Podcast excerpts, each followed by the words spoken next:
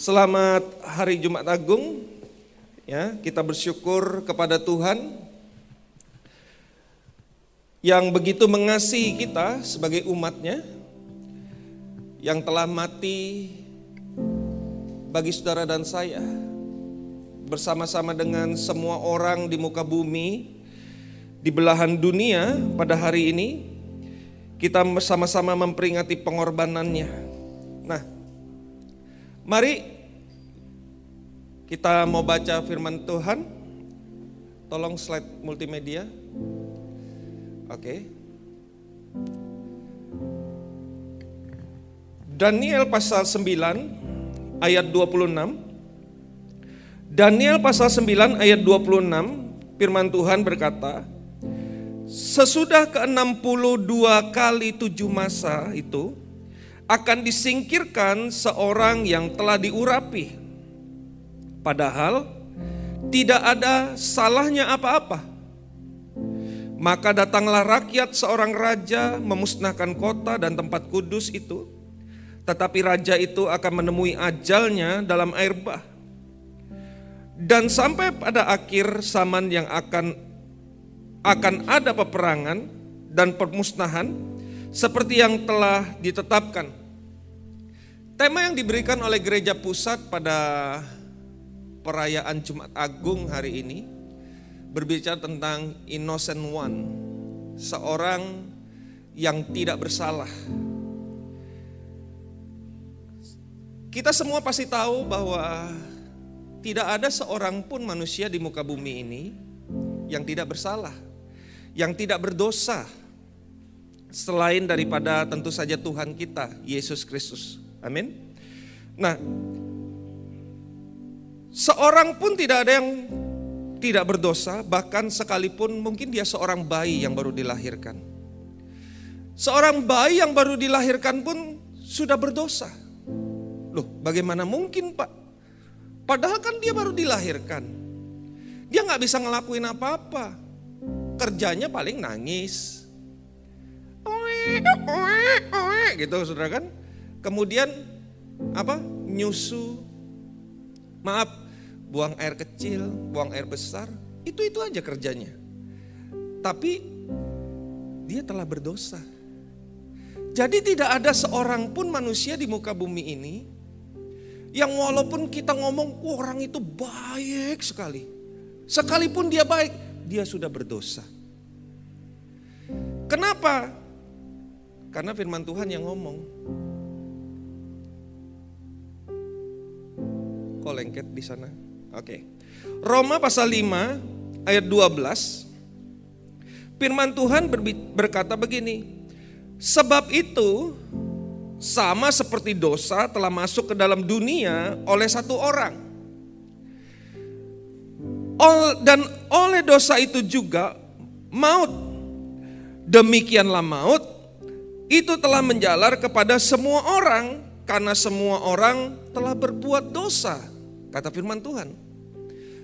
Jadi semua orang yang baru dilahirkan sekalipun dia telah masuk dalam kutuk ini. Dia telah berdosa. Sejak manusia pertama jatuh di dalam dosa, yaitu Adam dan Hawa, maka sejak itu status kita menjadi orang yang berdosa. Dan kita mesti menyadari apa yang ditulis oleh firman Tuhan tentang seorang yang berdosa. Bahwa firman Tuhan berkata, sorry nggak bisa dari sini Markus, tolong dari sana aja. Roma pasal 6 ayat 23 berkata begini. Sebab upah dosa ialah maut. Tetapi karunia Allah ialah hidup yang kekal dalam Kristus Yesus Tuhan kita. Jadi firman Tuhan dengan sangat jelas menegaskan kepada saudara dan saya bahwa upah dosa itu adalah maut. Bahwa kita ini tadinya di ada dalam hukuman yang kekal karena kejatuhan manusia pertama. Sebelum manusia jatuh di dalam dosa, kita ada dalam kekekalan bersama-sama dengan Bapa di sorga. Tidak ada sakit penyakit, tidak ada penderitaan, semua sudah tersedia dengan baik. Tapi sejak manusia jatuh dalam dosa, maka kita mengalami akibat dari dosa tersebut. Nah, kita tahu bahwa upah dosa, kata firman Tuhan, upah dosa adalah maut. Yaitu kematian kekal. Karena sekali lagi kita ini diciptakan untuk kekekalan. Kalau kita tidak menikmati kekekalan bersama Allah Bapa di sorga, maka kita menikmati sisaan kekal.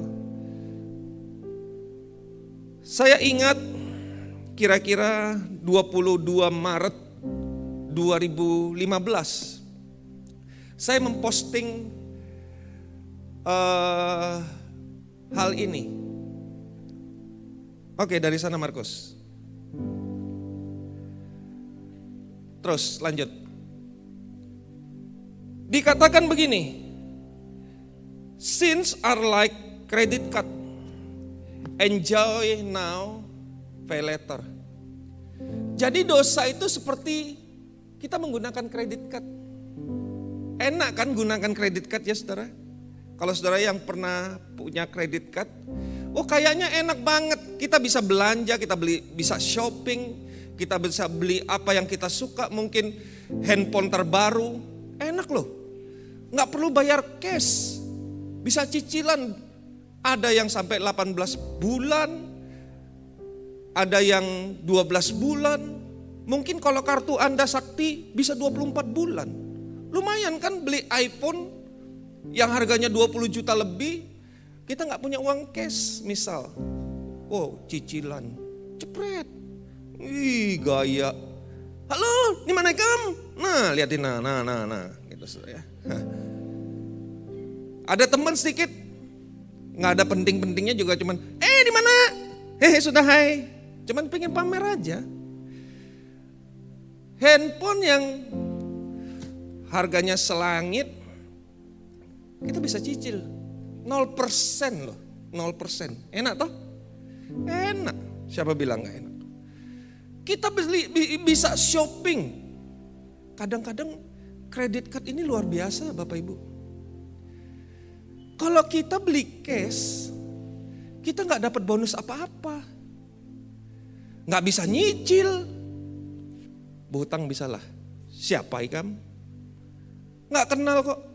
Tapi dengan kartu kredit, Pak kalau Bapak gesek kartu kredit, cicilannya 24 bulan Pak. Ada cashbacknya lagi. Udah suruh ngutang, dikasih duit cashback 1 juta. Ada hadiahnya lagi Pak. Tujuannya apa? Ya memang supaya saudara belanja gitu. Saudara nggak punya duit kan, saudara nggak punya duit cash, makanya dikasih bonus yang macam-macam. Supaya apa? Supaya saudara belanja, ngutang gitu. Enak. Kita bisa beli, kita bisa makan, nggak usah bayar, cuman gesek aja, pencet pinnya, selesai. Oh bisa traktir satu gereja, enak nggak usah bayar tinggal tik tik tik tik, udah selesai. Bisa beli baju, shopping ke mana-mana. Mungkin saudara bisa pergi ke luar negeri hanya dengan kartu kredit saudara. Tapi ingat bahwa itu ada masanya. Kapan billing Anda tercetak? Kalau kartu kredit saya setiap tanggal 15. Nah, kalau saya mau belanja, kalau saya mau hemat, saya perlu jangka waktu yang lebih panjang, saya mesti belanja di tanggal 16. Kenapa? Tanggal 16 maka saya punya waktu paling tidak satu bulan setengah untuk trans, uh, tagihan muncul. Jadi apa pun yang terjadi ingat bahwa ternyata akan ada waktunya kita mesti bayar apa yang telah kita lakukan. Semua yang saudara pencet tadi, semua itu terhitung dalam hutang saudara. Dan nanti akan muncul tagihannya dan saudara apa? Harus bayar. Sama dengan hidup kita. Kalau saudara melakukan dosa, ih kayaknya nikmat banget, enak banget di dunia ini. Tunggu. Apa? Akan ada masanya semua kita orang yang percaya, semua manusia yang hidup di muka bumi ini akan mempertanggungjawabkan kata firman Tuhan apa yang telah kamu lakukan di muka bumi ini. Jadi hari ini kamu berdosa kayaknya nikmat. Uh, orang lain hmm, kerja 30 tahun, jabatan masih begitu-begitu aja, rumah masih tipe 36, mobil masih pre-day, karena ini Good Friday kan. Mobil masih tahun 90-an. Coba nih lihat. Baru juga kerja 2 tahun, rumah udah gedongan, mobil udah dua. Tapi hasil yang gak benar, tunggu aja. Kalau nggak KPK yang tangkap saudara, ada hukuman yang akan menanti saudara. Kelihatannya nikmat di muka bumi, tapi itu hanya sementara. Karena segala sesuatu harus kita pertanggungjawabkan sama dengan kartu kredit. Geseknya enak, bayarnya kada nyaman. Tetap kita harus bayar. Beberapa tahun yang lalu ketika pasion kecil kira-kira umur 2 tahun atau 3 tahun. 2 tahun kalau tidak salah, 3, 2 tahun atau 3 tahun lah antara itu. Dia kadang main gadget ya punya maminya dia pinjam gitu. Dia main main main main. Satu waktu saya lagi santai tidur tiduran tiba-tiba banyak sekali SMS masuk. Centeng centeng centeng centeng centeng centeng centeng woi saya pikir nih grup nih rame nih. Ternyata itu SMS Waktu saya cek, ternyata itu tagihan kartu kredit semua. Ceneng, ceneng, ceneng, ceneng, ceneng, ceneng. Saya baca, saya nggak melakukan transaksi. Saya taruh lagi handphone saya. Tapi otak saya loadingnya mungkin lambat karena lagi santai kan. Otak saya loading lambat. Kemudian saya sadar, kayaknya itu semua tagihan kartu kredit ya. Saya lihat, oh ternyata benar. Ada pembelian game ini, game ini, game ini. Ada yang 700 ribu, ada yang 300 ribu. Astaga. Saya bilang, waduh. Saya berpikir satu, kartu kredit saya dihack orang, tapi saya coba memastikan kartu yang mana ini. Saya cari banknya, saya lihat. Kemudian saya cek handphone saya, kartunya beda. Saya lihat handphone istri saya, ternyata itu nempel di sana, saudara. Kenapa? Karena kalau biasa kita handphone baru kan biasanya kita masukin tuh supaya bisa transaksi macam-macam. Ternyata itu dipakai oleh pasion yang waktu itu masih kecil nggak ngerti apa-apa. Dia semua dia namanya anak kecil yang penting bisa main aja kan. Mau di buy buy aja. Yang penting bisa main. Jedeng jedeng. Waduh.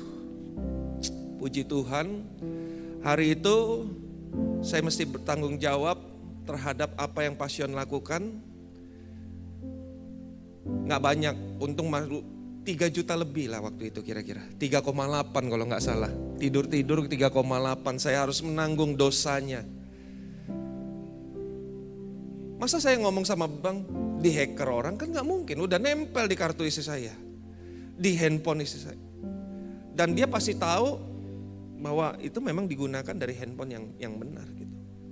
Jadi ya sudah, mau bagaimana lagi? Saya mesti menanggung apa yang telah dilakukan Passion pada waktu itu. Kalau saya tidak salah 3,8 juta pada waktu itu. Saya mesti bayar. Sama dengan firman Tuhan dari 2 Korintus pasal 5 ayat 21 ini. Firman Tuhan berkata begini. Dia yang tidak mengenal dosa telah dibuatnya menjadi dosa karena kita, supaya dalam Dia kita dibenarkan oleh Allah. Jadi, sama seperti ketika saya menanggung semua yang dilakukan pasion, demikian Kristus telah menanggung dosa saudara dan saya. Karena pasion tidak bisa membayarnya. Yang bisa bayar siapa? Bapaknya. Perbuatan baik kita, kesalehan kita mungkin, ketaatan kita mungkin. Semua tidak bisa menyelamatkan kita. Cuman darah yang mahal. Darah anak domba, Yesus yang tidak bersalah itu yang sanggup menyelamatkan saudara dan saya. Yang hari ini telah kita peringati bersama-sama kematiannya di atas kayu salib. Saudara, saya nggak perpanjang firman Tuhan, tapi saya tutup dengan cerita ini. Oke, slide berikut. Ini stop sampai situ. Diceritakan ada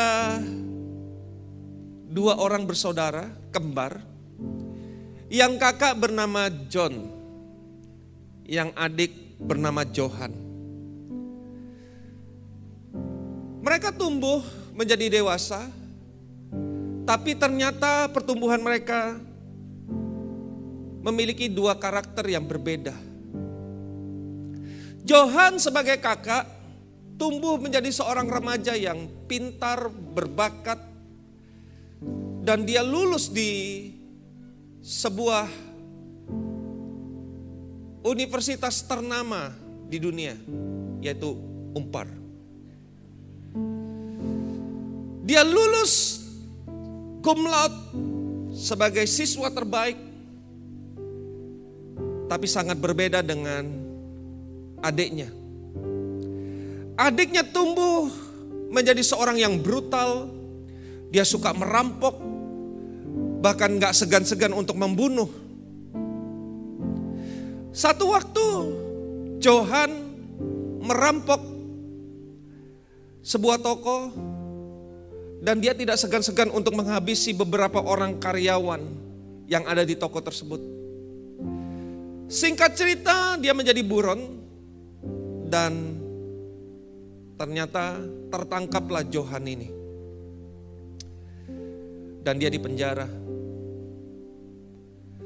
Kemudian setelah diadili,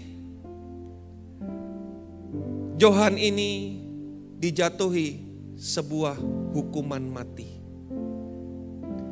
Kakaknya mendengar berita itu dan kakaknya menjadi sedih. Kemudian kakaknya mulai mempertimbangkan apa yang harus dia lakukan. Karena kakaknya ini sekolah lulusan hukum. Bagaimana caranya supaya dia bisa membebaskan adiknya karena dia ingat apa yang dikatakan oleh ayahnya. Oke, klik sekali lagi Markus. Ayahnya berkata kepada dia, "John, tolong kamu sadarkan adikmu untuk tidak berbuat jahat pada orang lain dan berbuat baiklah kepadanya." John ini sadar dia ingat pesan terakhir ayahnya sebelum meninggal. Bahwa dia harus menyadarkan adiknya kembali. Tidak ada langkah lain yang harus John lakukan. Karena dia tahu membela secara hukum pun sudah dibuktikan bersalah. Dia tetap harus menerima hukumannya.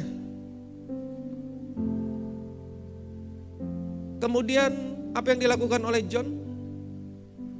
John datang ke penjara bertemu dengan adiknya si Johan. Kemudian dia besuk. John berkata kepada adiknya, Johan, kamu buka semua bajumu, kamu pakai baju saya. Karena mereka kembar kan. Akhirnya sang adik nggak tahu apa maksud dari apa yang akan diperbuat oleh kakaknya. Dan adiknya melucuti semua pakaiannya dan John juga melucuti semua pakaiannya dan mereka bertukar pakaian.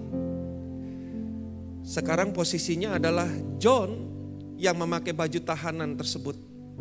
Dan Johan memakai baju kakaknya sebagai orang biasa. Dan John berkata kepada adiknya, "Sekarang kamu tinggalkan tempat ini." Akhirnya Johan pergi meninggalkan ruangan tahanan dan sekarang John yang ada di posisi sebagai tahanan. Dan kita tahu ceritanya, akhirnya John yang dihukum mati karena dia telah menjadi penebus buat adiknya. Adiknya sekarang nggak bisa dihukum lagi Kenapa? Karena dia udah bebas. Ada John yang sudah menanggung. Sama. Oke, slide selanjutnya. Terus demikian juga Yesus seorang yang tidak bersalah menjadi penebusan bagi saudara dan saya. Karena sekali lagi perbuatan baik kita nggak bisa menyelamatkan kita. Ada orang berkata, nyumbang dong nyumbang panti asuhan biar amal ibadahnya diterima di sisinya. Saudara habiskan semua orang uang saudara, nggak menyelamatkan saudara. Yang menyelamatkan hanya Yesus Kristus Tuhan. Firman Tuhan di ayat Selanjutnya, waduh, apa itu? Sebentar, saudara, saya cari.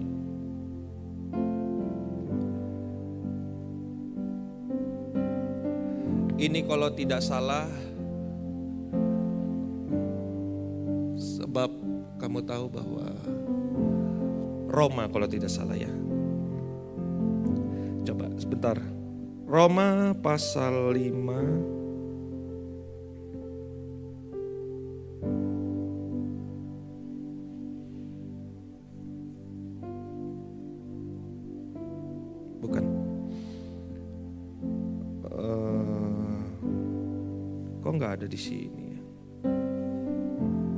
2 Korintus ya.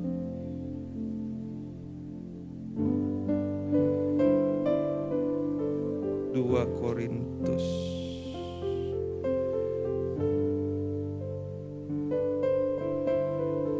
Hah? 1 Petrus. Oh ya, 1 Petrus. Woi, Petrus mana Petrus? Bentar, bentar, bentar. 1 Petrus pasal 1. Oke. Okay. 1 Petrus pasal 1 ayat 18. Firman Tuhan berkata begini. Sebab kamu tahu bahwa kamu telah ditebus dari cara hidupmu yang sia-sia yang kamu warisi dari nenek moyangmu itu. Bukan dengan barang yang panah, bukan pula dengan perak atau emas, melainkan dengan darah yang mahal, yaitu darah Kristus yang sama seperti darah anak domba yang tak bernoda dan tak bercacat. Jadi Yesus sebagai the innocent one, sebagai seorang yang tidak bersalah, dijadikan bersalah untuk menebus dosa dan pelanggaran saudara dan saya. Jadi mari jangan sia-siakan pengorbanannya di atas kayu salib. Sama dengan Johan. Jangan sia-siakan pengorbanan kakaknya atau dia menjadi mati sia-sia. Demikian juga dengan Kristus. Jangan sia-siakan pengorbanannya di atas kayu salib. Dia mati bagi saudara dan saya. Karena semua perbuatan kita tidak bisa menyelamatkan. Hanya penebusannya yang bisa menyelamatkan saudara dan saya. Selamat mengalami menikmati penebusan Tuhan pergunakan hidup saudara dengan baik, biar nama Tuhan dipermuliakan. Tuhan Yesus memberkati. Mari saya undang para pemuji.